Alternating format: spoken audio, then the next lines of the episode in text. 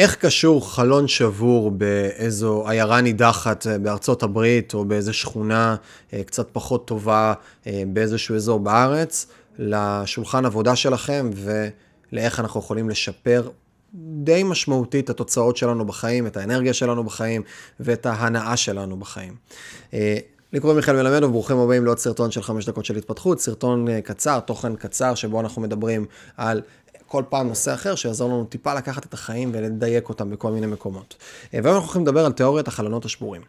אה, יש תיאוריה אה, פסיכולוגית שלמה עם איזשהו מחקר שנעשה מאחוריה, שמדבר על זה שעצם זה שיש בתים שהחלונות בהם שבורים בכל מיני שכונות, יש השפעה קורלטיבית בין הדבר הזה, בין כמות החלונות או בין זה שזה בכלל קיים, לבין רמת הפשיעה באזור.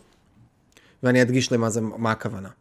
אם אנחנו לוקחים עכשיו עיר, לצורך העניין, שהיא לא אה, סופר אה, מצב סוציו-אקונומי נורא גבוה והעשירונים העליונים, אלא עיר ממוצעת או אפילו טיפה פחות, ואנחנו ניקח בצורה רנדומלית באותה עיר או באותה שכונה יותר נכון, ונשבור חלונות בכל מיני בניינים, כתוצאה מהפעולה הזאת שאין בה איזושהי משמעות ישירה, אנחנו נעלה את רמת הפשיעה בעיר.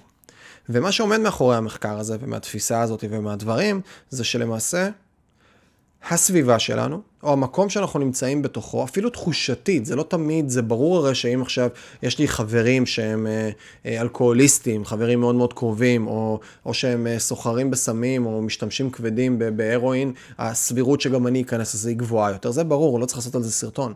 אבל זה לא רק זה, זה לפעמים הדברים מסביב שהם בתת מודע ואנחנו לא שמים לב אליהם. הדברים מסביב זה יכול להיות מלא מלא מלא דברים מינוריים, שאולי הם לא משפיעים בצורה ישירה על הדברים שאנחנו עושים, אבל הם נוכחים בתוך החלל, וההשפעה שלהם עלינו היא אחר כך מאוד מאוד משמעותית. ואיפה זה תופס אותנו בחיים שלנו? בואו ניקח את זה עכשיו לחיים שלנו. אם אני אקח עכשיו, בסדר? אגב, וההסבר לתופעה הזאת, אני אכנס לזה שנייה, זה המקום של, זה מייצר אווירה. מייצר אווירה של פשע, זה מייצר אווירה של עוני, אותם חלונות שבורים, זה מייצר אווירה של אי סדר, זה מייצר אווירה של אנחנו בשוליים של החברה, אנחנו נמצאים, הרי ברור שבכפר שמריהו לא יהיה חלונות שבורים, נכון? זה ברור שהרכבים שבחוץ יחנו הם יהיו ב-level גבוה, זה ברור. אז אם אצלנו זה לא ככה, ואצלנו יש חלונות שבורים, אז אנחנו נמצאים בתחתית, אז כבר מלכתחילה אני מגיע ממקום נמוך. זה מייצר הוויה קונטקסטואלית לתוך, מייצר הקשר לאותו בן אדם, לצקת דברים שהם לא בהכרח טובים ונעימים. אז זה, זה מה שעומד מאחורי זה. עכשיו, אם אנחנו ניקח את זה לחיים שלנו, בואו נשאל את עצמנו על הסביבות עבודה שלנו והסביבות של החיים שלנו. איך נראה הבית שלי? האם הוא מבולגן או לא מבולגן? איך נראה שולחן עבודה שלי?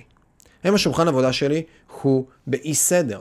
ואם השולחן עבודה שלי הוא באי סדר, אז מה שאני כפועל יוצא מתוך הדבר הזה, בסדר? כפועל יוצא מזה שולחן עבודה שלי, אני מייצר אשרור או נותן לגיטימציה לדברים נוספים בחיים שלי להיות באי סדר, בדברים הקטנים האלה.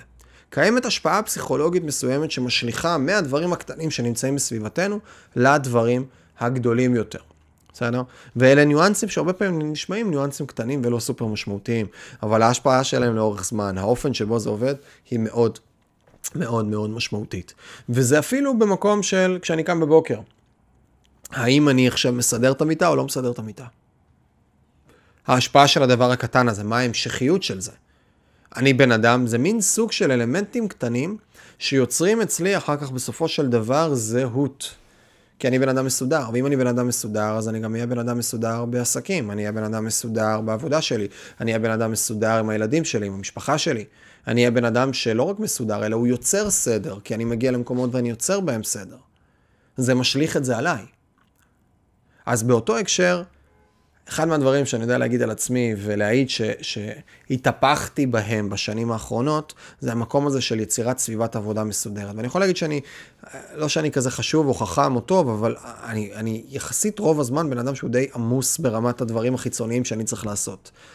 יחסית הרבה שעות עבודה, אני חושב ש-300 אה, שעות צפונה בטוח כל חודש, והרבה דברים שאני עושה והכל. אבל אני עדיין לא מוותר על זה שכשאני יוצא מהמשרד, אני לוקח את השלוש דקות לסדר את השולחן, שהדברים יהיו באותו מקום.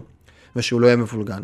אני עדיין לוקח את השלוש דקות בבוקר לבוא ולסדר את המיטה ולדאוג גם שהשולחנות uh, יהיו נקיים, ואם uh, בערב ישבנו והיה, ישבתי והייתה, לא יודע מה, התקרבלתי בשמיכה, או ישבו איתי אנשים שהתקרבלו בשמיכה, אז השמיכה הזאת תהיה מקופלת כשאני אצא מהבית. וזה לא כי יש לי זמן, וזה לא כי אני חושב שזה דבר, אלא זה מייצר קונטקסט. זה מייצר הוויה רחבה יותר, שתשפיע גם על דברים נוספים בחיים שלנו. אז זהו חברים, זה היה חמש דקות של התפתחות, ואם קיבלתם ערך אני מזמין אתכם להירשם לחמש בחמישי, שזו, אה, ניוזלטר שאני מוציא אחת לשבוע, של חמישה דברים שיצא לי להיחשף אליהם בשבוע האחרון. זה יכול להיות כל מיני דברים. זה יכול להיות אה, סרטון, פודקאסט, אה, זה יכול להיות ערוץ יוטיוב מעניין, זה יכול להיות ציטוט, זה יכול להיות שיר, זה יכול להיות אה, איזושהי תמונה מסוימת שראיתי או מאמר. זה יכול להיות מלא מלא דברים שאני נחשף אליהם, אני מקבץ אותם, ואחת לשבוע, כל יום חמישי, יוצא המייל הזה עם הדברים, חינם לגמרי, בלי איזשהו, אה, אה, איזושהי אג'נדה של מכירה, של משהו, לא ימכרו לכם כלום, רק תצטרפו, תקבלו את הערך, את הדברים, ואגב, גם זה ישלח לכם להיכנס לאותה רשימה, גם ישלח לכם הפודקאסט השבועי, כל יום שני יוצא פודקאסט, שיעורים שלא למדתי בבית ספר, ותוכלו להצטרף. אז אם זה מעניין אתכם, חפשו בגוגל חמש בחמישי, תירשמו, תשאירו את המייל ותצטרפו. ואם לא עשיתם עדיין subscribe לערוץ, אז יאללה, תעשו subscribe, בואו תצטרפו, תקבלו תוכן. אם הגעתם עד לכאן, כל כך הרבה זמן אתם איתי והגעתם עד הסוף, אז תעשו subscribe ותראו עוד תכנים נוספים שיש לנו. אני הייתי מיכאל מלמדוב חברים, ונתראה בתכנים הבאים.